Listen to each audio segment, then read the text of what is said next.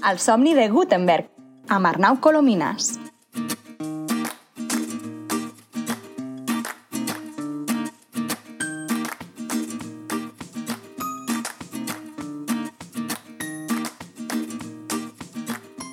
Camisa hipster, barba ben cuidada, un somriure molt afectuós i una mirada intensa. Ell és en Ramon Pardina, el convidat del nostre segon podcast del Somni de Gutenberg. Avui en Ramon l'hem convidat per parlar del seu darrer llibre. És un llibre de contes que es titula El gran circ domèstic i que es presentarà aquesta setmana a la Trenca, Andorra la Vella. Però a part d'això, en Ramon Pardina, per descriure contes, també és creatiu publicitari i ha escrit guions per programes d'humor com Polònia, Cracòvia, El Foraster, Buenafuente, Leitmotiv o Zona Franca, el programa que s'ha estrenat recentment a TV3 i del qual ell també n'és un dels guionistes. En parlem amb ell.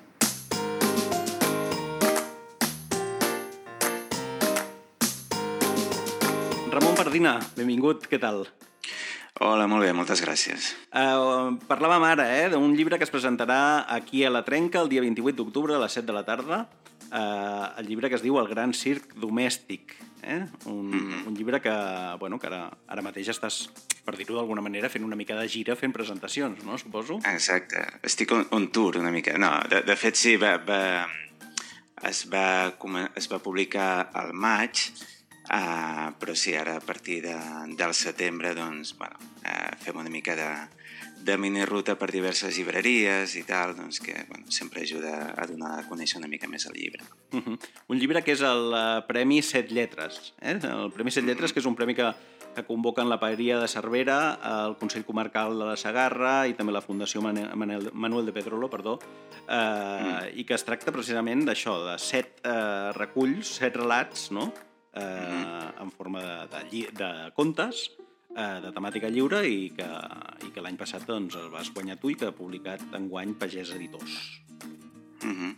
Sí, sí, sí. Bueno, jo estic eh, molt agraït a aquest premi, en general a, a la majoria de premis que es dediquen a, a premiar llibres de contes perquè, clar, és un gènere que a vegades costa una mica de, de, de publicar. A, a molts editors els fa una mica de, recança i tal, però bueno, no és el que estigui més...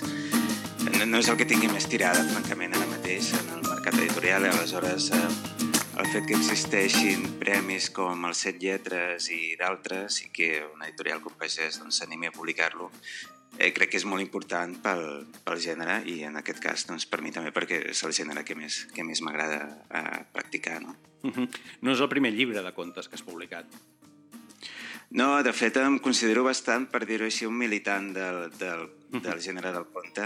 Soc, eh, jo el, el defenso eh, amb totes les seves eh, virtuts. De, de fet, també una cosa que, que m'agrada particularment del conte, eh, a banda de que potser per, pel seu, uh, per les seves pròpies característiques i tradicions és com un espai eh, perfecte per, per poder jugar i experimentar, no? potser una mica més que la novel·la i tot, doncs una de les coses que, que defenso de, dels contes i, i dels reculls de contes són eh, el fet que cadascun dels contes eh, pugui tenir un tema, un to, un contingut diferent, no? I moltes vegades, eh, també avui en dia, de, també per, per això, eh, per raons una mica comercials de, de venda i tal, eh, es busca que, que els llibres de contes tinguin un denominador comú, que tinguin un, eh, bueno, alguna cosa que, que els uneixi, no? Uh -huh. I a mi justament el que m'agrada més dels contes és que cadascú, cadascun dels contes d'un llibre pugui ser una aposta diferent de l'anterior, no? I crec que és una de les virtuts que té, que té el conte, que d'un a l'altre pots eh, canviar de visió del món i d'estil i de... En fi, és una de les riqueses que, que té el conte que, que potser no té tant una novel·la, no? Ens deies que... que... és una cosa que m'agrada reivindicar. Uh -huh. Deies que, que el conte una miqueta no, no està de moda, no passa per un, per un moment que les editorials persegueixin escriptors de contes, però és curiós perquè el món eh, una miqueta sí que tira cap aquí, no? per continguts curts, continguts escuets, que, que siguin ràpids de, de veure, i en canvi en la literatura és curiós que no ho trobem això, no?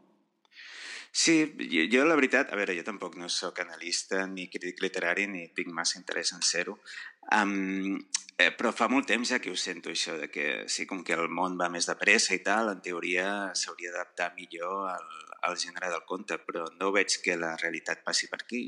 Més aviat em sembla... Um, evidentment es publiquen eh, llibres de contes i, i ja dic, especialment gràcies a, a l'acció d'alguns, la feina que fan alguns premis, algunes editorials. Però en general crec que continuen tenint molta més tirada i molta més mm, eh, acceptació pública, diguéssim, o més recorregut a les novel·les o, o els llibres que tenen eh, una idea molt més fàcil de vendre. No? És a dir, a mi el que em passa a vegades quan, quan tracto quan m'enfronto a una entrevista com, com la teva, per exemple, ara, eh, si, si tu em fessis la pregunta de què va el teu llibre, que és una pregunta molt habitual i és molt lògica, eh, jo ja em, em, em, eh, estic en un compromís, perquè em costa molt explicar de què va el meu llibre, perquè al ser un llibre de contes, doncs, clar, va de coses una mica diferents, perquè cada uh -huh. conte, com et deia, m'agrada que sigui de coses diferents.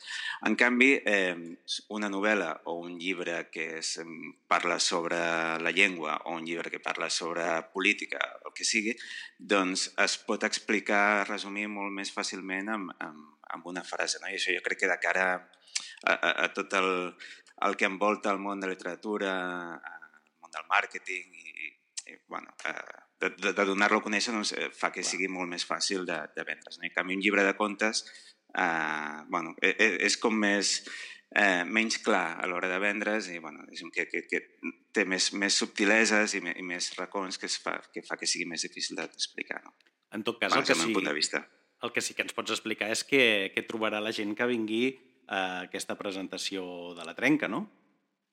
Sí, bueno, m'hi trobarà a mi, espero, i el David, eh, el David Galvez, eh, que és un, un gran escriptor que, que a més eh, admiro molt personalment, perquè també també és, eh, s'ha dedicat durant força temps a, a cultivar el gènere de, del conte i a, a més amb un estil amb el que bueno, m'identifico bastant. Uh, i, I xerrarem això, espero que xerrarem de, del conte com a gènere literari i particularment jo crec d'aquest estil de conte que eh, tracta de, de que el lector s'ho passi bé, és a dir, sense eh, desmereixer el, eh, altres tipus de, de, de literatura que a vegades doncs, és eh, bueno, més reflexiva o que busca un altre tipus de, uh d'impressió en el lector, eh, a mi m'agraden el, els contes que són narratius, en el que l'argument és important, en el, que, en el que passen coses i que aquestes coses eh, siguin interessants i fins i tot si pot ser divertides, no? perquè bueno, una mica per la meva formació, el meu mm, tarannà natural que, que m'agrada l'humor, doncs bueno, suposo que, que al final la majoria d'arguments que, que escric doncs, eh, tiren cap a l'humor d'alguna manera i també tiren cap a, cap a aquest... Eh, bueno, que, eh, que són curts, no?, tots plegats, perquè al final tu, la teva feina, gran part del teu dia a dia és escriure, però escriure, en aquest mm. cas, eh, guions. I els guions estan sí. formats per petits, eh, per petits trossos, per petits esquetxos, que són eh, una miqueta assimilables en, en certa manera a un conte, no? Potser, eh?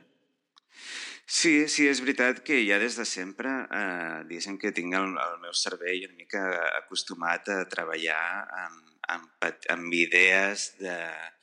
Eh, per començar, per treballar amb idees, que això no tots els escriptors eh, ho fan. És dir, eh, jo sí que tinc, eh, abans d'escriure un conte, una peça, sí que tinc clara quina és la idea eh, de base, que després pot canviar, pot evolucionar i tal, però sí que tinc una idea a partir del qual començo a escriure. I això no, no sempre passa, eh? hi, ha, hi ha gent, escriptors i escriptores que, doncs, per exemple, eh, comencen a escriure a partir de fotografies, de sensacions, de, de records, en fi, uh eh, -huh. un altre, eh, de, del llenguatge propi. No? Jo, jo sí, jo, jo parteixo d'una idea eh, eh, més o menys eh, completa, no? I llavors a partir d'aquí la, la intento desenvolupar. I suposo que això ja em veia des de, des de que jo vaig començar a treballar en publicitat, que clar, també treballava amb idees i després com a guionista i especialment de guionista d'humor treballo amb idees i amb idees que siguin potencialment divertides. No? Jo crec que tinc el, el cap una mica eh, exercitat en aquesta direcció. Uh -huh. uh, Explica'ns una miqueta per això, com és mm, això de treballar amb, amb guions. No? Uh, alguna vegada s'ha dit no? de que els escriptors que es reconeixen més públicament són aquells que fan novel·les, després podré, potser vendrien els dels contes, els poetes, ostres, però els, mm. els guionistes, que són grans escriptors del nostre dia a dia, que els trobem gairebé a tot arreu del que puguem mirar, eh, gairebé no estan ni considerats escriptors eh, de cara al públic quan la feina que fan d'escriptura és absolutament brutal. I més en, en programes d'humor com els que has participat tu, no? eh, des de Polònia, El mm. Foraster, Buenafuente, Leitmotiv, eh, programes que, que realment aquests guions han d'estar molt, molt ben treballats perquè, perquè realment després això faci riure, perquè al final és el que mm. sempre hem sentit, no? que la línia entre fer riure i fer pena és molt fineta i precisament sí, sou vosaltres, els guionistes, els que feu que aquesta línia doncs, no, no, no, no s'acosti el guió a aquesta línia mai de la vida i que pugueu fer riure als, als oients o als espectadors dels programes de televisió. No? Sí, a veure, una mica d'això en parlo en, en, el, en el segon conte, em penso que és del, del gran circ domèstic, l'acudit, eh, que, que tracta això, no?, de la relació d'un guionista amb un presentador de, de Late Night, que sempre he de, he de matisar que no és l'Andreu Buenafuente, perquè tothom sempre quan el llegeix em pregunta si és l'Andreu Buenafuente, perquè clar, he treballat amb ell i, i bueno, és el més conegut, no? Eh, i, I tracta una mica d'això, clar, el, el, la, la pròpia eh, professió de guionista implica treballar en l'ombra perquè eh, bueno, no parles amb nom teu, que és una cosa molt estranya. Ah. Uh, però, clar, tu estàs sempre parlant en nom d'algú altre, d'un actor, d'un presentador, um, i, i llavors um, s'estableix una simbiosi una mica estranya de personalitats. No? Jo s'explico això, que, que eh, en monòlegs, per exemple, de, de Leitmotiv o amb altres de, de, de la meva carrera, o amb el foraster o amb el que sigui, eh, clar, a vegades eh, com que la inspiració l'agafes d'on pots, eh, integro mm, vivències o, o pensaments meus personals en, en reflexions d'una altra persona. No? I això realment, si t'ho pares a pensar, és una cosa bastant, bastant antinatural, és bastant esquizofrènica. Clar que al final no saps, no saps on acaba en Quim Esferrer i comença en Ramon sí. Pardina o on, o on acaba en Ramon Pardina i comença en Quim Esferrer, no? Una mica?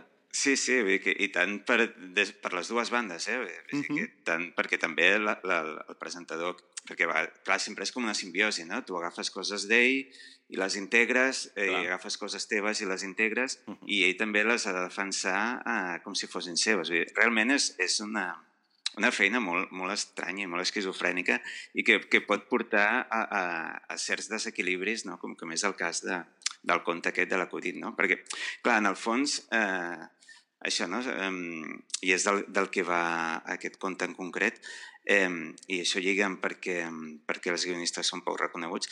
Clar, um, això és una convenció, és una màgia uh, que quan tu veus el, algú fent un monòleg, doncs penses que és, eh, són els pensaments d'aquesta persona i que gairebé, encara que ja sàpigues eh, que hi ha un guió al darrere, però més o menys tu, fe, tu tens, hi ha una convenció que, que et fa creure que això t'ho està explicant a tu des del seu mm -hmm. punt de vista i quasi més o menys improvisat. Però que en el moment que es trenca aquesta màgia, que és el, el que hi ha algú que no és aquesta persona que, que ha escrit l'acudit, que sembla que estigui fins i tot improvisant, doncs, clar, és com que es trenca un, un món, no? Eh, llavors, clar, això, es trenca aquesta màgia. Llavors, per això moltes vegades s'intenta preservar um, aquest límit, no? Entre, I és per això els guionistes sempre estan com, com en un segon pla, no? Uh -huh. En un I... segon pla fins, fins que hi ha merders, no? Perquè recordo aquella, aquella famosa vaga de guionistes, per exemple, eh, que va haver-hi en les sèries nord-americanes eh, potser fa uns 10 anys i que mm. era l'època àlgida de, de sèries com Lost, i que els, els guionistes una miqueta reivindicaven també una miqueta el seu paper, no? O sigui, vale, estem a l'ombra, volem seguir a l'ombra, però, però volem cobrar una miqueta més, perquè en, en gran part, gran part de l'èxit de, de, de la sèrie en aquest cas, però de qualsevol programa de televisió, de ràdio, del que sigui, també és d'aquests guionistes, i al final són els que no es pengen mai la medalla, de fet. Sí, no, mai tant. Eh, I jo crec que, que sí que a mesura que eh, la societat, diguéssim, que, que va madurant i, i cada vegada en sap més de, de continguts audiovisuals i bueno, en veu més de diferents tipus, sap més com funcionen. Bueno, jo, jo crec que sí que s'està normalitzant més la, la figura del guionista, uh -huh. però sí que encara hi ha la tendència d'això, com preservar aquesta màgia eh, per la qual és una mica necessari que la figura del guionista estigui una mica amagada, no? per, per, bueno, perquè ens creiem que, que, que el món que, que venem és, és, és tal, com el, tal com el percebem, no? I també deu ser emocionant aquell moment no? de veure que un, un gag que has escrit tu o un mm. monòleg que has escrit tu eh, triomfa i, i funciona i, i la gent se'l fa seu, no? Ha de ser un moment maco. Sí, totalment. O sigui, a mi... Bueno, són... Eh, això també ho explico moltes vegades. O sigui, per, per una banda, quan, encara que sigui un acudit petit, eh, diguéssim, en el llenguatge nostre, que, que entra, que, que el públic el rep amb una riallada, allò que notes que entra bé, que, que riu de forma plena, diguéssim, és una satisfacció impressionant. Eh, fa molt content, encara que eh, sàpigues que ningú eh, pugui saber que, que, que hi acudit l'hagis escrit tu, no? Eh, bueno, és una recompensa molt, molt maca de, de, per la teva feina. Però, d'altra banda, quan és el contrari, que també passa, eh, que hòstia, és una, aquest tipus de shows com les late nights i tal, que signifiquen treballar en públic en directe, eh, és molt exigent perquè, clar, tu fas un acudit i la gent pot no riure. I uh -huh. això és un moment, és un moment eh, terrible, és, és eh, dramàtic. Uh, I en aquest moment és quan penso, hòstia, menys mal que sóc guionista i no estic allà davant per, la cara. per menjar-me el marrón aquest. Llavors I... penso, hòstia, uh -huh. eh, s'ha de, de tenir valor per fer el que, el que fan també molt, aquests presentadors, no? I hi ha una tercera situació, no?, que és eh, fer un gag pot passar, per exemple, a Polònia, que ha passat alguna vegada que, que, que el gag pot funcionar més o menys, però que l'endemà eh, es lia grossa, s'embolica la troca, sí. perquè aquell gag doncs, algú doncs, no li ha agradat gens ni mica, o hi ha algun polític pel mig que s'ho ha pres molt malament, o, o ha anat eh, més enllà i hi ha gent que ha fet segones lectures que potser el gag no tenia. No? Aquestes situacions sí. també deuen ser molt tenses en una redacció eh, d'aquest tipus. Sí, bueno, això de les segones lectures, en realitat, eh, i, i també va d'un altre dels contes de, del relat, eh, del, del llibre de relats, eh, passa tot arreu, és a dir, tu en el moment que, que escrius una cosa i la, la deixes anar al món real, eh, cadascú la, la rep com, com vol, de fet. L'argument d'aquest conte que et dic és, és un escriptor que, cansat de que la gent malinterpreti les seves coses, el, el que escriu, eh, decideix eh, eh, intentar eh, passar l'anonimat i que no el llegeixi ningú mai més. No? Doncs, eh, però bueno, eh, això és inevitable perquè, perquè clar, en el moment que, que tu deixes anar eh, una peça creativa, doncs eh, la gent és lliure de, d'interpretar-la com vulguis, i, com vulgui. I, I sí que és veritat que avui en dia hi ha la tendència de voler buscar una mica uh, l'interpretar-ho eh, malament o segons el teu punt de vista per poder crear una polèmica que a tu t'interessi. En fi, la gent viu molt pendent de, de poder prendre's malament les coses per poder tenir motiu per queixar-se. Som una societat una miqueta amb la pell molt fina, no?, últimament. Sí, però més que la pell molt fina, jo crec que la, la gent realment, eh, parlo molt en general, eh, eh, eh li interessa enfadar-se amb coses. Eh, sembla com si eh, és una forma d'oci, no? Tu, um, i, i d'obtenir visibilitat, no? Hosti, eh, jo crec que hi ha gent que prefereix eh, que passin que, que, un, que algú faci un tuit desafortunat eh, per poder-se queixar i tal, que no que, eh, que no existeixi aquest tuit desafortunat i que, per tant, la, la uh -huh. vida flueixi bé, no? Jo crec que la gent prefereix que passin coses dolentes per poder-se queixar que no que tot funcionés bé. Una mica el, el, el, on vivim ara mateix, em sembla. Uh -huh. Uh, aquesta reflexió i, i unes quantes més en aquest uh, recull de contes El gran cir domèstic que veurà doncs, uh, la presentació el dia 28 d'octubre a la Trenca a les 7 de la tarda amb en Ramon Pardina que ens ha acompanyat ara una estona en el nostre podcast. Ramon, moltes gràcies. Moltes gràcies a vosaltres. I ens retrobem el dia 28 a la Trenca. I tant, tant de bo. Adéu-siau, gràcies. Adéu.